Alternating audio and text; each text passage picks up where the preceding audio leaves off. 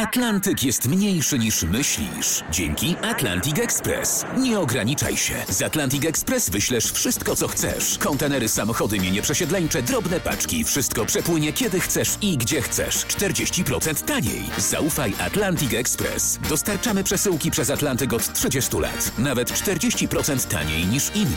Dzwoń 1 800 775 73 63. Ekspresowo przez Atlantyk. Tylko z Atlantic Express.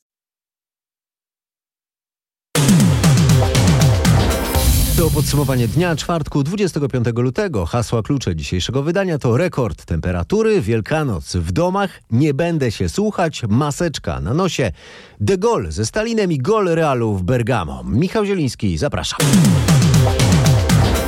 Około 15-16 tysięcy zachorowań dziennie w szczycie pod koniec marca. To jest liczba przewidywana przez szefa resortu zdrowia. E, informacja dnia brzmi Wielkanoc w domach, lockdown. Tak jest bardzo prawdopodobny scenariusz, oświadczył na naszej antenie rano minister Adam Niedzielski. Prognoza mówi o tym, że szczyt zachorowań będzie mniej więcej pod koniec e, marca.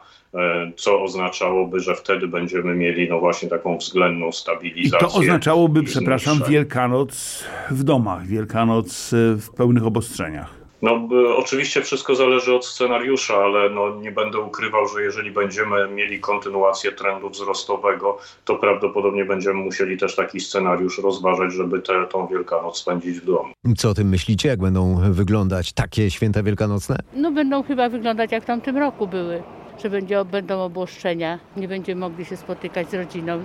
Przykro było, tym bardziej, że no nie można było się z najbliższymi spotkać. No i ludzie i tak będą y, spędzać w gronie najbliższych, bo ludzie na pewno nie, nie zostaną w domach i nie będą siedzieli zamknięci no, w pokojach, no i tak każdy będzie spędzał z rodziną. Czyli w takim węższym e, gronie, ale jednak te spotkania rodzinne wiadomo, że będą. No wie pani na swoim przykładzie, no to na przykład ja mam siostrę, brata i tak wszyscy razem spędziliśmy święta i tak do rodziców żeśmy poszli, no bo sami nie zostaną, tak. Mi się zdaje, że wszędzie tak będzie. W ogóle do kościoła nie pójdę, no i tyle. W domu się pomodlę. Dzieci nie przyjeżdżają też.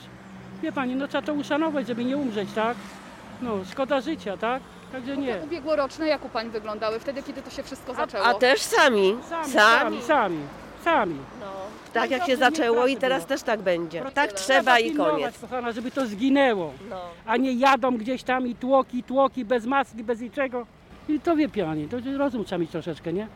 Mm, sytuacja staje się coraz bardziej poważna, tak minister Adam Niedzielski tłumaczy z kolei z jakiego powodu zakazane będą od soboty przyłbice jako środek ochrony przed koronawirusem. Co z innymi osłonami? Nie będzie przyłbic, a takie maseczki z chustek robione, takie bawełniane maseczki, one są lepsze niż przyłbice? Zdecydowanie tak.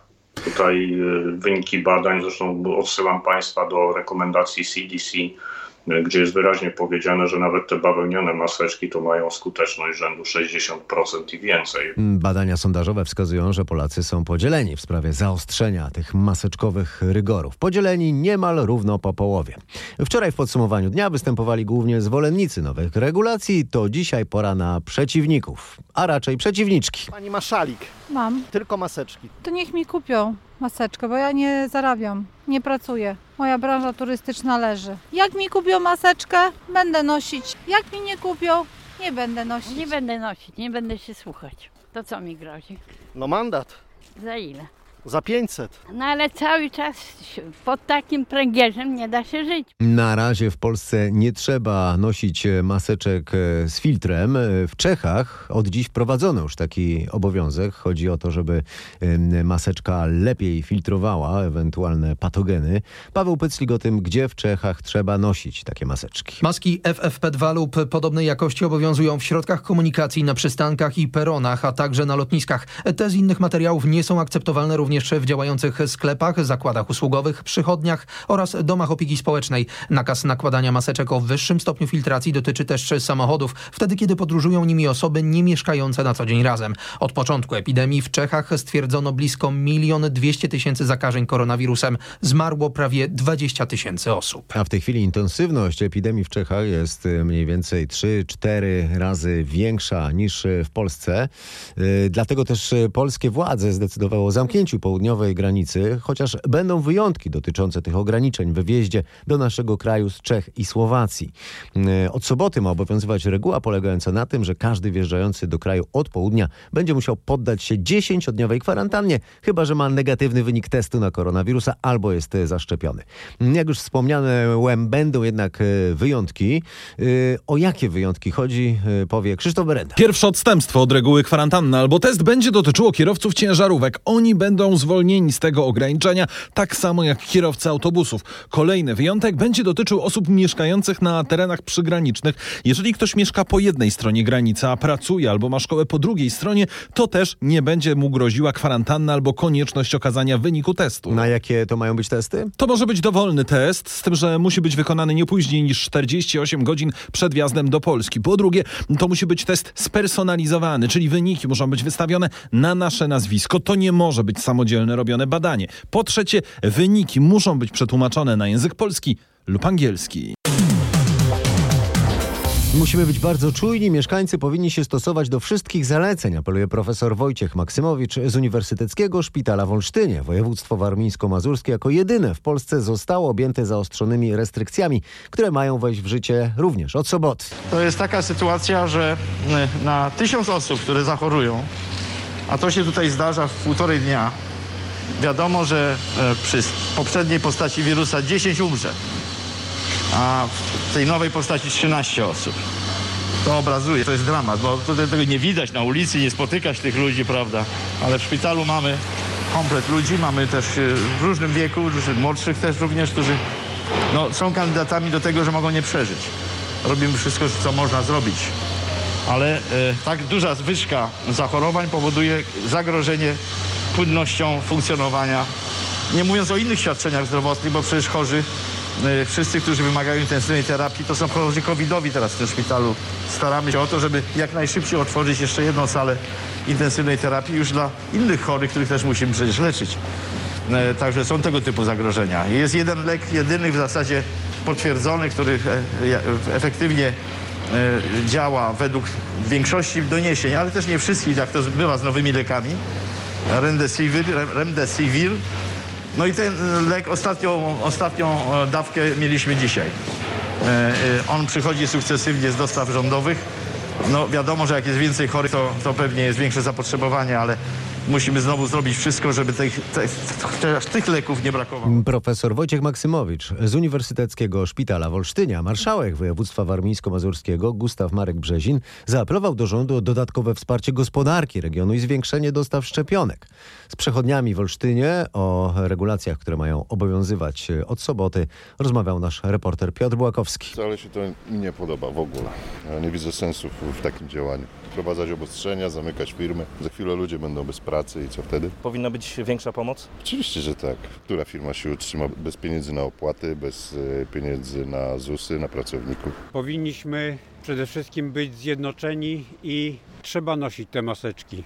Tak jak widzę, bardzo dużo młodych, nawet takich jak ja, bez maseczek chodzi. W ogóle cały czas powinny być obostrzenia. A w ogóle to na mój taki babski rozum to powinien być ogłoszony stan wyjątkowy. To byli przechodnie e, w Olsztynie, stolicy warmińsko-mazurskiego, gdzie notuje się wyjątkowo dużo zachorowań i też wyjątkowo wysoki odsetek e, stanowią zachorowania spowodowane przez mutację koronawirusa.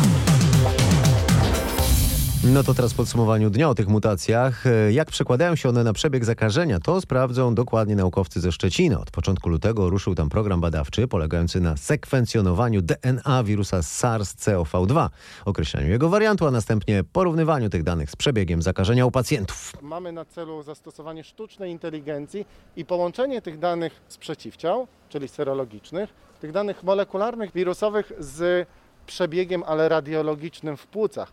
Czyli będziemy oceniać, jak się zmienia zapalenie płuc, czy ono jest cięższe, łagodniejsze, czy jest go więcej, czy mniej metodą sztucznej inteligencji i łączyć te wszystkie dane, żeby zrobić taki model, który właśnie y, spróbuje przewidywać ciężkość zakażenia i pomoże e, w decyzjach terapeutycznych. Tłumaczy profesor Miłosz Parczewski, szef Kliniki Chorób Zakaźnych Szpitala Wojewódzkiego w Szczecinie. I jeszcze o koronawirusie i jeszcze o maseczkach, chociaż tym razem będziemy w Sejmie. To maseczki mogą osłabiać zdolności intelektualne posłów.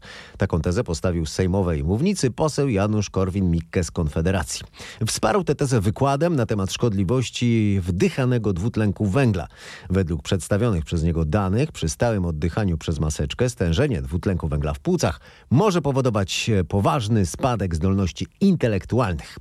Janusz Korwin-Mikke wystąpił przy tym w maseczce nałożonej tylko na nos. W trosce o poziom ustaw i w trosce o poziom dyskusji wnoszę do pani marszałek o zmianę rozporządzenia w sprawie noszenia maseczek na sali obrad. Panie pośle, to jest kompletnie nie, proszę tego, to jest kompletnie nieformalny wniosek. Proszę przeczytać regulamin. A po Jak to drugie, nie jest panie, formalny, a to nie tamten jest. był formalny, a to nie jest formalny. Tak, panie, ta, tak, tamten o przerwę był formalny, a pański jest nieformalny. Nie ma takiego czegoś w regulaminie Sejmu. Natomiast dziękujemy panu bardzo za wykład. Z Pani chyba. marszałek nie jest w stanie tego zrozumieć. Dziękuję. No, nie, no nie, chyba ten dwutlenek węgla mnie zabija i dlatego nie potrafię. Dziękuję panie pośle. A teraz śmiertelnie poważna polityka i to sprzed 80 lat. Polska była pionkiem w geopolitycznej grze Francji z Rosją w czasie II wojny światowej. To nie w Jałcie nasz kraj został sprzedany przez Zachód Stalinowi. Już wcześniej znacznie przyczynił się do tego francuski przywódca generał Charles de Gaulle. Taka jest teza wydanej w Paryżu książki De Gaulle i komuniści. E, Opowie o niej nasz korespondent w Paryżu Marek Gładysz. Autor książki, znany dziennikarz i historyk Henri Christian Giroux ujawnia, że de Gaulle zawiązał w 1940 roku tajny sojusz ze Stalinem. Ten ostatni miał pomóc Francji w odzyskaniu rangi zachodniego mocarstwa, a w zamian de Gaulle miał przekonywać aliantów do strategii wojennej, która umożliwiła Związkowi Sowieckiemu zajęcie Polski i stworzenie tzw. bloku wschodniego.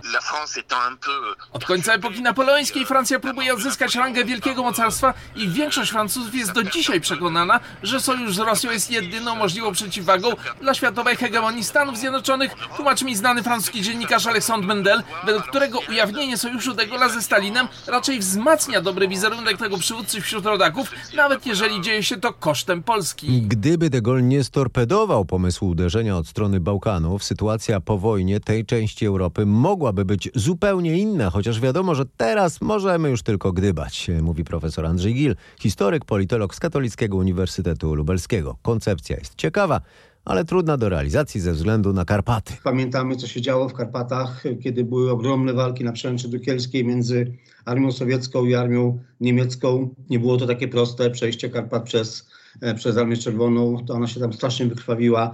Mamy mm, przykład z 1916 roku i ofensywę Brusiłowa w czasie I wojny światowej, gdzie milion dwieście tysięcy żołnierzy rosyjskich tam zostawiło swoje kości.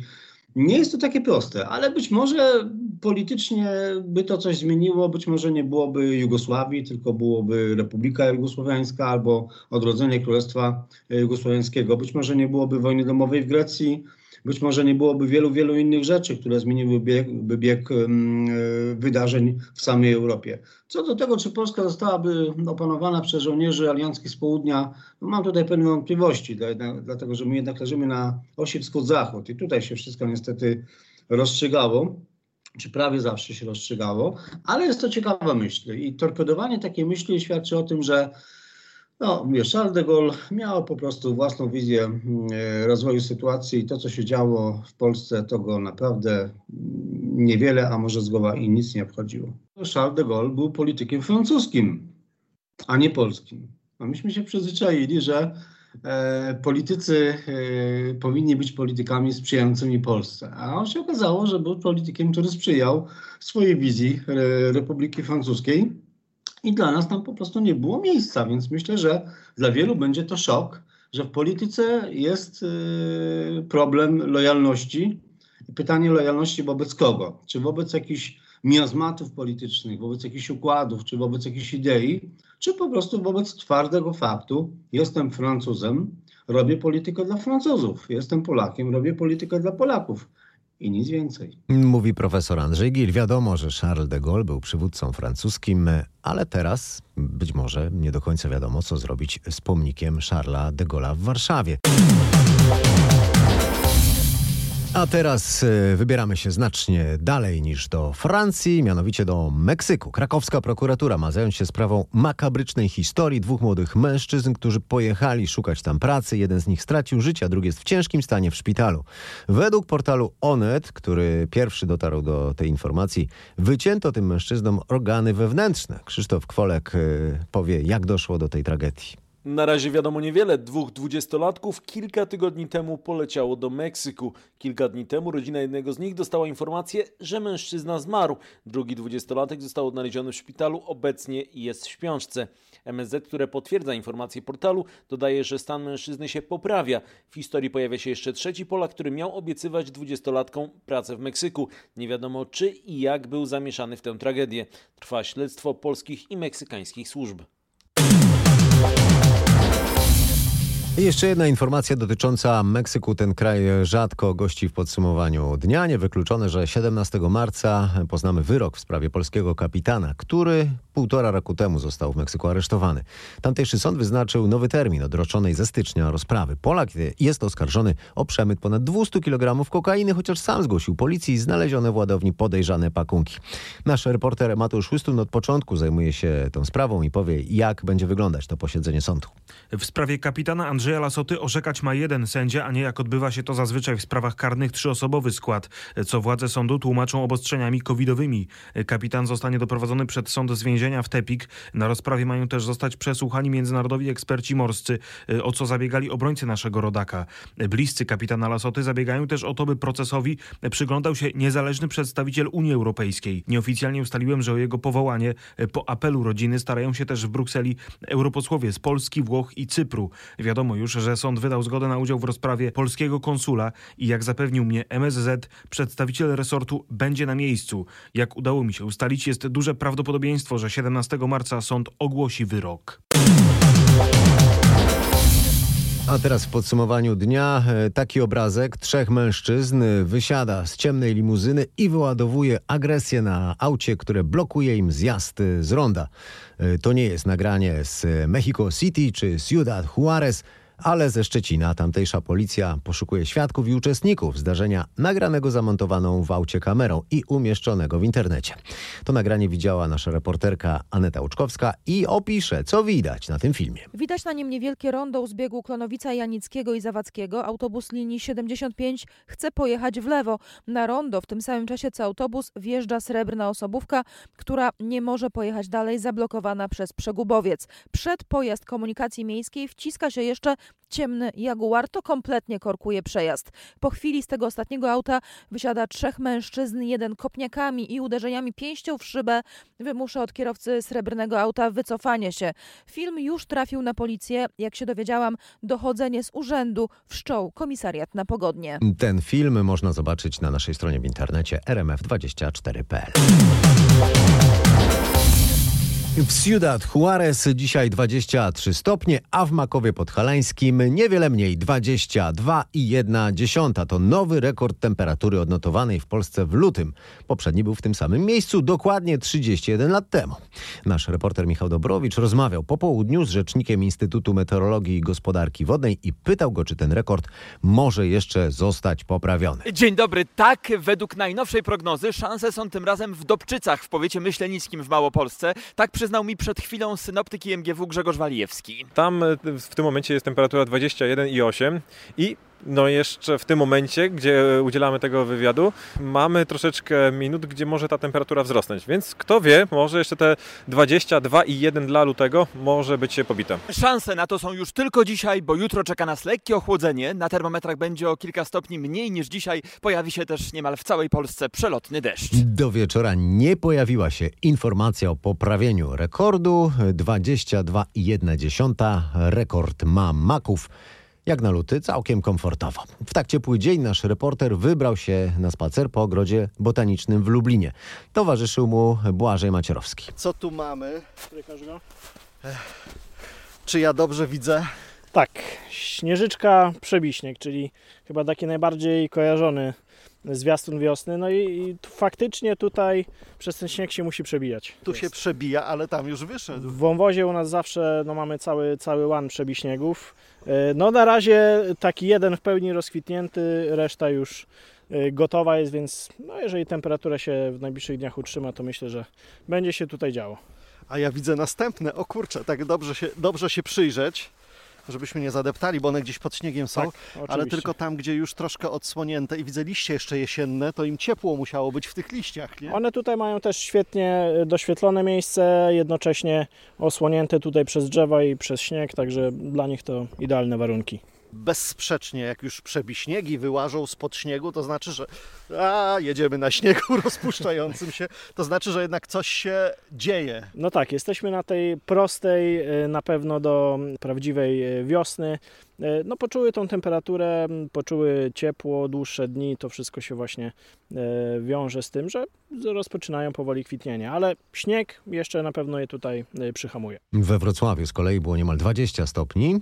Temperatura odczuwalna była jeszcze wyższa. Wybieramy się na lody i pospacerować po mieście. Fajnie, w końcu świeci słońce, cieplutko. No od razu jest się szczęśliwszym, prawda? Spacerujemy od godziny. Przyjechaliśmy do Wrocławia na cały tydzień i po prostu trafiliśmy z super pogodę. Jesteśmy z Mazowsza, więc to tam jeszcze śnieg leży. Tutaj jest po prostu cudownie. Wszystkie problemy zostawione gdzieś i na tym słońcu człowiek po prostu energią ładuje się. Za bardzo się ubrałem i jest mi dosyć gorąco. To wrażenie jakie jest, że ile jest stopni? No powyżej 20 myślę na pewno. Czuć promienie słoneczne na twarzy to naprawdę jest zbawienie po tych mrozach. Po prostu cieszymy się dniem. Siedzimy i jemy drożdżówkę i pijemy kawę na słoneczku. Te głosy na wrocławskim rynku zebrał nasz reporter Paweł Pycki. No i nic dziwnego, że z zimowego snu budzą się niedźwiedzie. Tropy widziano już pod Babą, Babią Górą i w Gorcach. W Tatrach jeszcze nie, ale może to nastąpić lada dzień, bo wysoko w górach notowana jest rekordowo wysoka jak na tę porę roku temperatura. Niedźwiedzie nie patrzą w kalendarz. Jeżeli jest y, wysoka temperatura, jest ciepło i na głowę im kapie w gawrze, dostają sygnał, trzeba wstawać. Mieliśmy takie przypadki, że niedźwiedzie nam wstały z gawr, bo było ciepło, po czym zrobiło się zimno i te niedźwiedzie z powrotem zaległy w gawrach. Czyli jest ciepło, niedźwiedzie wstają, ale tak jak powiedziałem, jeżeli się zrobi zimno, temperatura się obniży, to te niedźwiedzie zmniejszą swoją aktywność i mogą jeszcze raz zagawrować. Tłumaczył e, zwyczaje misiów specjalista od tych drapieżników Filip Zięba z Tatrzańskiego Parku Narodowego. Sikorki, sosnówki, e, czubatki ubogie, mazurki i wróble to dla nich przeznaczonych ma być 600 budek lęgowych, e, które do końca marca pojawią się na 26 osiedlach e, w Łodzi. Konstrukcje mają pomóc tym ptaszkom w niełatwym zadaniu znalezienia miejsca na założenie gniazda. W aglomeracjach jest dla ptaków zdecydowanie mniej naturalnych miejsc do założenia gniazda i wyprowadzenia lęków. E, W terenach leśnych, przykład Las Łagiewnicki, mnóstwo starodrzewi, w nich dziuple, e, w koronach drzew e, rozłogi, w których świetnie można zlokalizować gniazdo. W terenach zurbanizowanych, nawet w parkach, e, sposób porastania parku, czyli rzadko jedno od drugiego drzewa, to dużo mniej okazji do zasiedlenia dla ptaków niż w lesie. Mówi leśniczy miejski Jacek Jóźwiak. Montażowi budki przy ulicy Drewnowskiej w Łodzi przyglądał się dziewięcioletni Krzyś. Najpierw zlecieli na dół, inny pan dał e, im tą budkę, podlecieli do góry, przyczepili. Ta budka jest nisko, wysoko, jak to tutaj wygląda? No, jak dla mnie jest wysoko i dla ptaków może to być widoczne. Ale za to z e, ziemi nie grożą im jakieś niebezpieczeństwa, prawda? Mm, Tak, tym bardziej jakieś koty albo jakieś inne zwierzęta. Widziałeś, jakie małe jest wejście do tej budki? Dlaczego? E, Żeby ptaki, tylko ptaki mogły się do tej budki dostać, a potem żeby wylecieć. Z Krzysiem rozmawiała Magdalena Grajner. A kto chce polecieć znacznie wyżej i dalej niż ptaki, może sięgnąć po dzieła Stanisława Lema. Rok wielkiego pisarza w stulecie jego urodzin odbywać się będzie pod hasłem Widziałem przyszłość. W programie są i wielkie zagraniczne premiery i małe lokalne wydarzenia. Taka okazja i rocznica zdarza się raz na 100 lat. Ale tak naprawdę najbardziej nas cieszą i radują nasze serce te wszystkie oddolne, pojedyncze projekty, które mają jeden cel pokazać, jak wielkim pisarzem był Stanisław Lem, a jego wielkość pokazać przez pryzmat ogromnej aktualności wszystkich e, wyrażanych w jego literaturze teraz. Opowiadali Wojciech Zemek, były sekretarz pisarza oraz Maciej Kawecki z Instytutu Lema. A na koniec jeszcze, podobnie jak wczoraj, przedwczoraj, piłka nożna w Lidze Mistrzów. Manchester City wygrał w Budapeszcie z Borussią Mönchengladbach 2 do 0. 19 z rzędu zwycięstwo The Citizens. Trener Pep Guardiola wyjaśnia tak. Piłka nożna to nie jest tylko atak i obrona, wszystko razem, ale dziś zrobiliśmy wszystko dobrze, wróciliśmy w odpowiednim momencie, by dryblować i strzelać, bo wcześniej tego nie robiliśmy, nie kiwaliśmy, nie strzelaliśmy. Dziś musieliśmy przygotować się na następne mecze, które zaczynamy już za trzy dni. A w drugim wczorajszym spotkaniu Atalanta Bergamo u siebie uległa Realowi Madryt 0 do 1. To już wszystko w dzisiejszym podsumowaniu dnia. E, Dziękuję za uwagę, zachęcam do subskrybowania i do usłyszenia. Do jutra.